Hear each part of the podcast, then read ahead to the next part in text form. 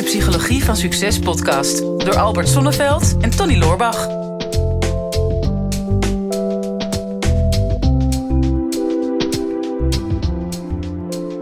Ben jij wel eens kritisch op jezelf, Albert? Constant. ik word er kom er niet over. Nee, nee, nee. Ja, en ik word er doodmoe van. Alleen al het, het, dat beeld in stand houden, daar baal ik zo van. Nou, dat je niet kritisch bent. Dat ik niet kritisch ben en, uh, en dat, dat ik ook zo overkom. Dat vind ik zo irritant. Ja, snap ik wel, ja. Ik heb dat nooit, zelfkritiek. Nee? Vind ik wel vervelend dat ik dat niet heb. ja, ja. Kan, kan ja. ontzettend van balen dat iedereen dat heeft en dat ik dat niet heb. Nee, ja. Nou ja, het blijft een beetje behelpen. Dat, dat realiseer ik me ook. Het is worstelen en de tijd een beetje doorkomen, Tony. Het is niet anders. Ja, precies. Ja, dat is een beetje hoe het leven bedoeld is. Maar zijn er, zijn er wel mensen, ja, er zijn natuurlijk heel veel mensen die zelf kritiek hebben. Ja, ik, uh, ik, denk, ik denk misschien wel bijna iedereen. Ja, hè? Ja. Nou, we hebben een vraag van Arjan uh, van de Palen gekregen. Arjan zegt, hi Tony, ik ben een groot fan van jullie podcast. Pas de prik iedere dinsdag in de auto naar huis. Ik heb een vraag voor jullie. Kritisch naar je eigen functioneren kijken is nodig om te kunnen groeien. Maar hoe zorg je ervoor dat dit niet verlammend werkt op je handelen en je eigen creativiteit beperkt? Ja, nou, herkenbaar lijkt me. Ja, super herkenbaar. Ja, het heeft. Uh, uiteindelijk, weet je, als je het helemaal terugbrengt naar de essentie, waarom hebben we kritiek op onszelf? Um, nou, om heel veel verschillende redenen. Maar een van de belangrijkste natuurlijk is dat er diep in ons een, een verlangen is om te groeien. Mm En ja, bij groeien hoort leren. En leren betekent de grens opzoeken van je comfortzone. En ergens in die confrontatie met die grens van dit is nog wel iets wat ik durf en het andere durf je niet, dan op die grens ga je vaak kritiek leveren op jezelf. Mm -hmm. Aan de ene kant vind je van jezelf, oké, doe niet zo flauw, uh, doe eens iets wat je misschien nog niet eerder gedaan hebt, hè, maar dan komt er zo'n kritiek, ja, maar je weet nu wat je hebt en wat gaat er dadelijk voor in de plaats komen.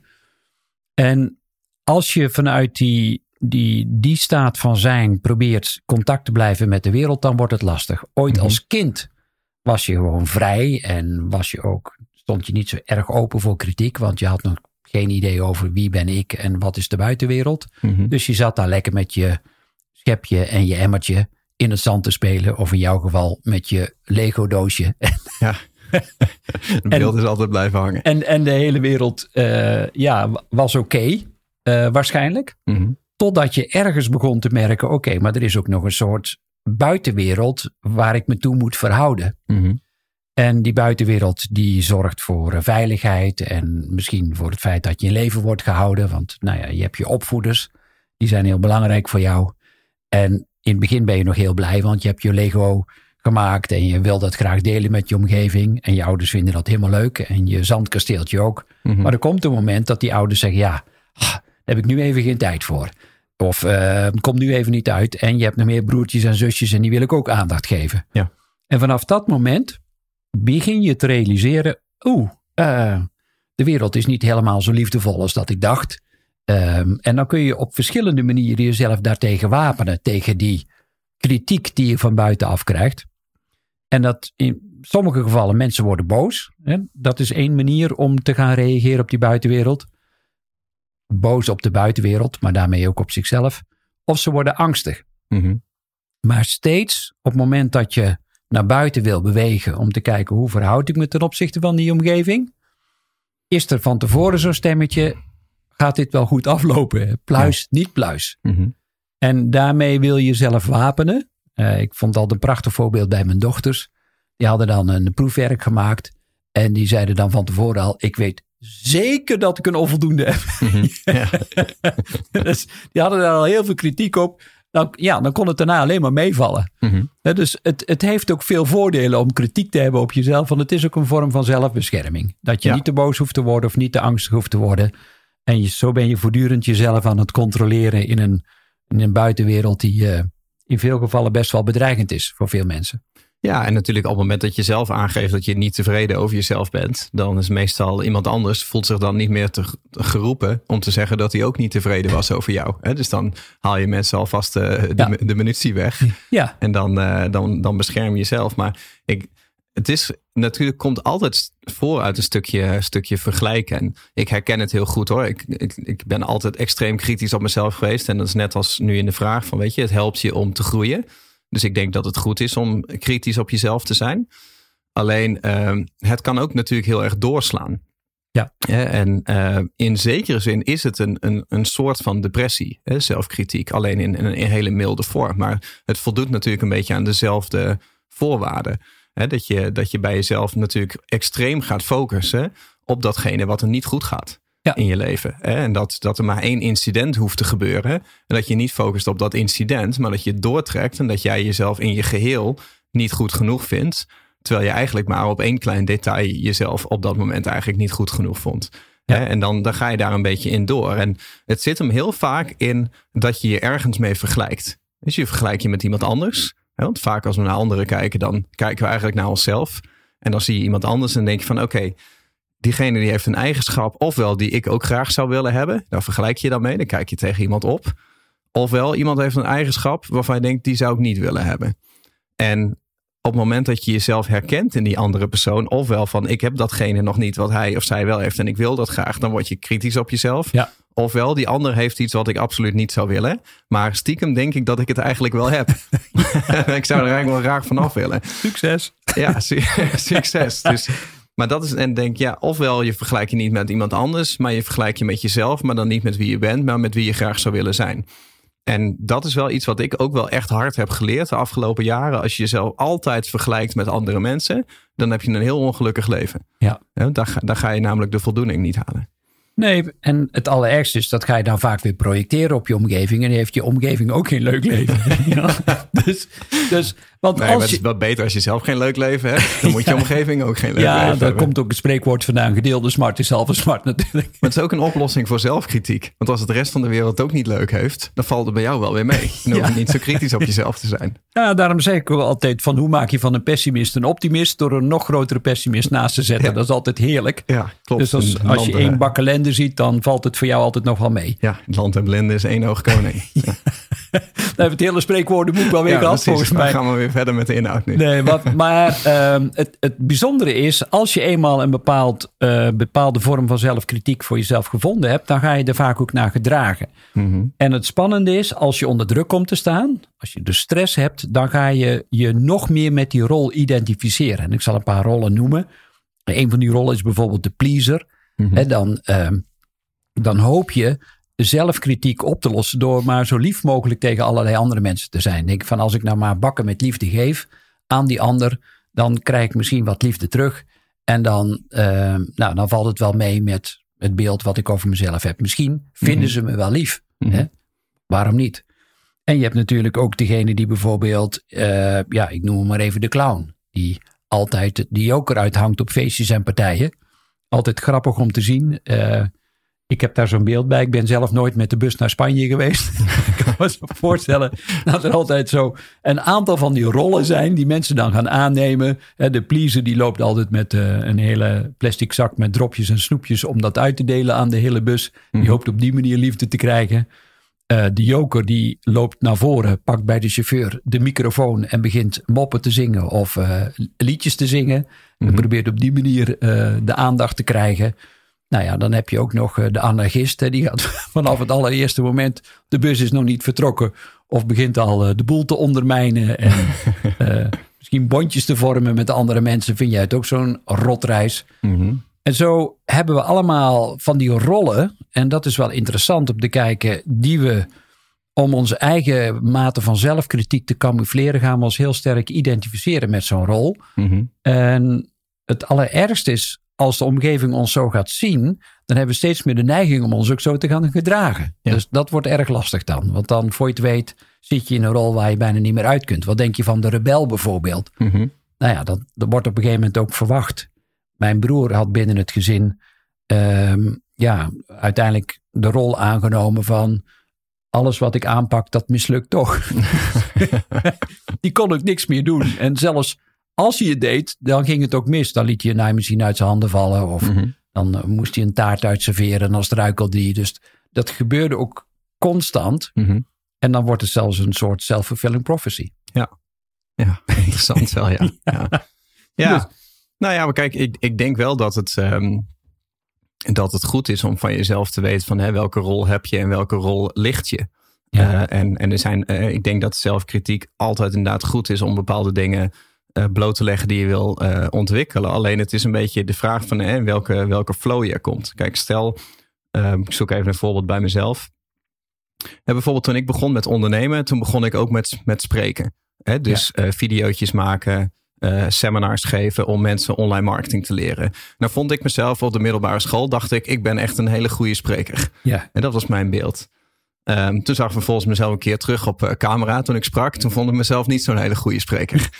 en eh, hè, dat was echt in de tijden van een, een, een handicam op een statief zetten. Of niet eens op een statief, op een stapel boeken. En die stapel boeken dan weer op een tafeltje, want ik had helemaal geen statief. En dan in de woonkamer dan tegen zo'n camera aanpraten. Nou, als ik daar nu naar terugkijk, naar die opnames, dan denk ik van nou, hè, dat, is, dat is bedroevend slecht. Ehm, en destijds, toen ik ernaar keek, toen vond ik het op zich wel aardig. Maar toen zag ik verbeterpunten bij mezelf. En dan ga je focussen op eh, alle dingen die niet goed zijn. Hè, bij mij waren, ik kon gewoon kiezen wat ik wilde verbeteren. Hè, ik was, had geen momiek, geen mimiek. Ik had geen intonatie. Eh, de belichting was niet goed. De audio was slecht. eh, had geen timing, was geen storytelling. Nou, hè, zo kan ik nog een hele lijst maken. En ehm, dan, op dat moment is dat gezond. Hè, dus je ziet eigenlijk iets negatiefs. Uh, je zet daar een rationele gedachte tegenover. Van Ja. ik vind mezelf niet een goede spreker. Dat is je conclusie. Vervolgens ga je daar rationeel over nadenken. En vergelijken met andere sprekers. En als dan inderdaad blijkt dat jij een minder goede spreker bent dan anderen. En dat je aan dingen kan werken. Dan krijg je een soort van uh, ja, gezonde negatieve gedachte. Ja. Laten we het zo maar noemen. Ja. Maar wat er heel vaak gebeurt, is dat je het negatiefst constateert. Als in ik ben niet een goede spreker. En dat je daar uh, vervolgens niet rationeel over nadenkt, maar irrationeel over nadenkt. Dus dat je extreem gaat inzoomen op die paar details die niet helemaal perfect waren. Laten we zeggen 2% van jouw presentatie. En die andere 98% was goed.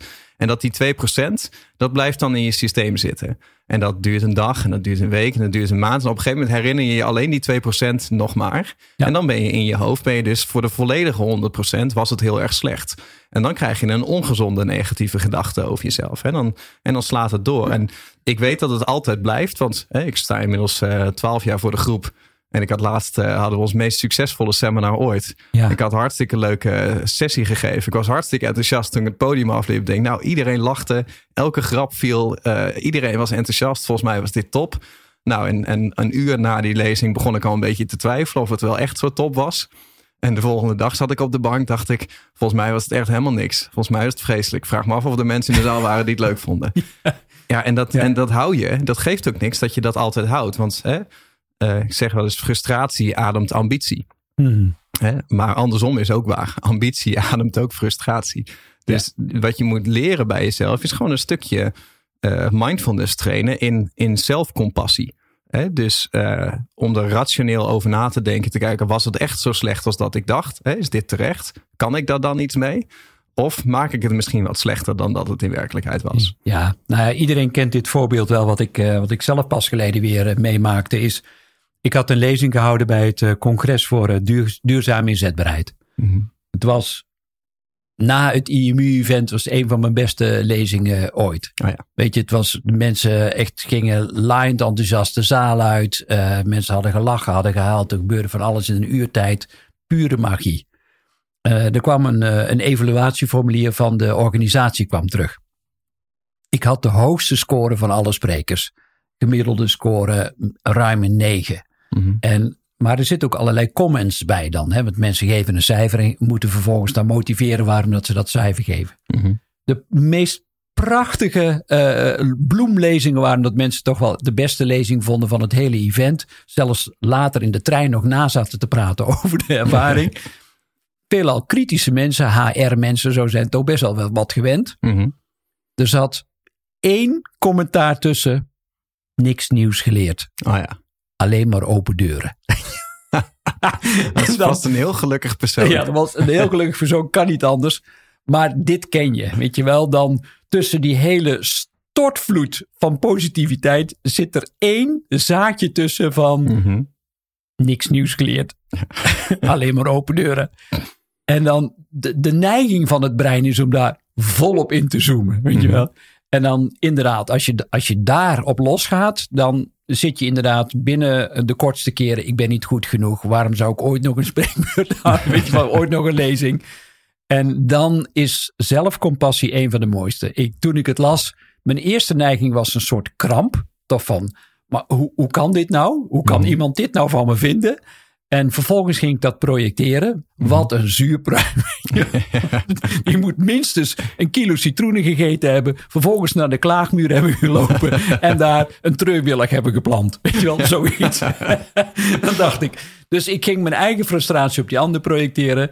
En toen dacht ik, ho, ho, ho. Terug. Wat is nou reëel en wanneer is het nou goed, goed genoeg? Mhm. En kan ik het echt bij mezelf laten? En het is het allermooiste, vond ik daardoor. En toen ging ik het omdraaien in mijn hoofd. Toen gebeurde er iets heel wonderlijks. Denk ik, oké. maar als alles nou een weerspiegeling is van mijn binnenwereld. En ook die evaluatie, dat evaluatieformulier. Zijn er dan, heb ik dan soms toch nog de neiging om kritisch te zijn op mezelf? Mhm. En natuurlijk is dat zo. En dit was voor mij een soort examen van hoe kritisch ben ik nog op mezelf? Of kan ik nou die overvloed aan liefde en, eh, en warme woorden die ik naar me toe kreeg, kan ik die ook echt toelaten? Mhm. Ben ik al bereid om te ontvangen wat er wel is?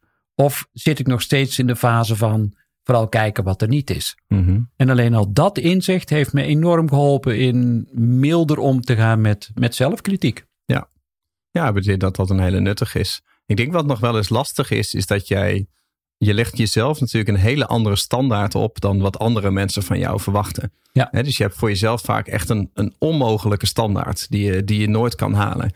En eh, op zich is het niet erg om voor jezelf voor een onmogelijke standaard te gaan. Maar dan moet je het vanuit passie doen. En vanuit gewoon het gevoel van ontwikkeling voor jezelf. Dat je het spel leuk vindt om beter te worden. En dat je alleen jezelf daarop afrekent.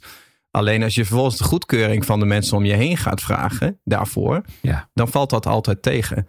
En dat kan zowel eigenlijk ehm, ontkrachtend zijn. Dus jij wil een hoger niveau nastreven, maar jouw publiek of jouw vriendengroep of je partner, die vindt jouw niveau prima. Dus die heeft zoiets, ach, maak je niet zo druk. Je bent Nee. toch oké? Ja, En ja, dat is helemaal geen leuk compliment. Je bent oké. Wie wil nou oké zijn? Ja, tegen mij zeggen ze als compliment: je bent zo gewoon gebleven. Ja, alles aan gedaan om, om anders te worden. wil je ook uniek zijn of bijzonder zijn, maar Ja. nee, je bent Nee, gewoon... ja, dat is echt zo fijn als je eh, in Nederland gewoon blijft. Ja, wat ik interessant vond, ik zag, eh, ik zag een interview met, eh, met Elton John. Eh, ik heb laatst die, eh, die film van hem gezien, Rocketman, vond ik geniaal. Dus sindsdien ben ik alleen nog maar Elton John muziek aan het luisteren. Ja. Maar daar heb ik verder niks aan. Maar, dus ik zag een interview van hem voorbij komen en denk, dat ga ik even kijken. En die man is nu in de 70 volgens mij. En hij ging dan nu zijn laatste grote tour doen. Ja, En dat ze zeggen vroeg- ze allemaal. Dat zeggen ze allemaal. Ja, nou ja, goed. De meesten hebben op een dertigtal per ongeluk hun laatste tour. Maar dat is wel een hele andere reden. Hè? Maar ehm, toen vroeg die interviewer van... oké, wat ga je dan daarna doen? Ga je dan met pensioen of stop je dan met muziek maken? Toen zei hij, nee, dan ga ik me meer focussen op ehm, ja, de muziek die ik zelf graag wilde maken. Dan ben je al in de 70, ben je Elton John. En dan wil je nog focussen op de muziek Ja. die je zelf graag wilde. En dan zei hij, ja, want ik heb heel veel nummers gemaakt... die het net niet zijn geworden. Hij zei bijvoorbeeld in The Lion King... ja, iedereen geeft me complimenten over mijn muziek voor The Lion King... maar de twee allermooiste nummers die ik daarvoor heb gemaakt... vind ik zelf, die, die zijn niet in de film gekomen. Hmm. Want die pasten niet in het verhaal. Dus en zo Ja. heb ik heel veel van dat soort nummers... die ik zelf dan eigenlijk het beste vind... maar die heb ik nooit gezongen... of nooit aan het grote publiek opgedragen... want die worden door de massa worden die niet gewaardeerd. Ja, ja, ja. En dan zie je dat het niveauverschil van wat hij eh, niveau vindt, dat is helemaal niet nodig voor de massa. Sterker nog, dat werkt averechts. En als je die twee dingen gaat mixen, je gaat met dat niveau voor een paar miljoen mensen staan, dan denken mensen, ja, vroeger was je beter. Maar dat Ja. vind je zelf niet. dus, dat, ja, dus dat is heel krom. Ja. Prachtig, ja. Dat is een heel Ja. mooi voorbeeld ook. Ja. Ja, ik dacht al, in één keer begin je brillen te dragen. En je hebt in één keer een, af, zeer sterke affiniteit met de wc-bril. Ja. Maar dat is eigenlijk sinds die eh, film van, eh, van Elton John. Sinds Elton, ja. ja. ja, ik, wilde er al niks van zeggen. Ik denk, ja, dat komt misschien over als kritiek. Nee, nee, nee. Ik kan heel goed tegen kritiek. Zolang het van iemand anders komt. Nou, volgens mij, als we dit nu samenvatten, wat zijn dan de belangrijkste tip, tips? Ja, hoor zeggen, maar één tip.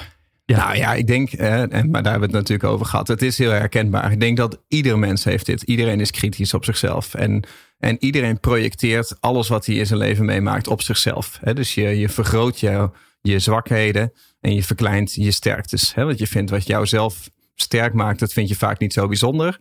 En alles wat je niet hebt, op alles waar je aan twijfelt, dat vind je wel belangrijk. Dus dat maak je groter in je hoofd. En Dat is hartstikke goed, hè, want dat ademt ambitie. Hè, dus daar schuilt ontwikkeling en daar schuilt stimulans om beter te worden. Alleen moet niet de andere kant op slaan. Dat je eronder gaat lijden en dat je eigenlijk per ongeluk een vorm van zelfdepressie te pakken hebt. Ja, dus uh, verlamming, hè, want dat was het. Hoe voorkom je verlamming? Blijf in beweging. Uh, uh, voor mij helpt het altijd om een soort milde glimlach aan de binnenkant van mijn mond te krijgen. Als ik naar iets kijk, of het begint altijd weer met herkennen van, oh ja, ik doe het nog. Heb ik dat nog nodig? Dat is een van de vragen die je dan stelt. Helpt het mij op deze manier? Is het een, een helpende opmerking? Is het ondersteunend? Groei ik ervan en leer ik ervan? Of is het nog een oud patroon waarin ik gewend was om mezelf op mijn kop te geven, maar het voegt op dit moment niks meer toe. En als je op die manier mild naar jezelf in de spiegel kunt kijken, wordt je leven echt een heel stuk leuker. Dit is de Psychologie van Succes podcast door Albert Sonneveld en Tony Loorbach. Ja, beste luisteraars, dat was hem alweer voor vandaag. Weer een aflevering voorbij van uh, de Psychologie van Succes. Ik hoop dat je het waardevol hebt gevonden. En um, wat je ons dat ook zou willen laten weten. Uh, mocht je nog niet geabonneerd zijn op onze podcast, doe dat dan even. En wat we heel erg tof zouden vinden, is als je ook even een review zou willen achterlaten. We vinden het natuurlijk heel leuk om te horen van jou wat je van de podcast vond, welke inzichten je eruit hebt gehaald. En om dat natuurlijk in de review-sectie terug te gaan lezen. Heb je nou een vraag en je zou graag met jouw vraag in de uitzending willen komen? Stel hem dan op eh, de social media. Onze kanalen zijn vooral LinkedIn en natuurlijk Instagram. De beste vragen pakken we eruit en grote kans dat je dan terugkomt in deze podcast.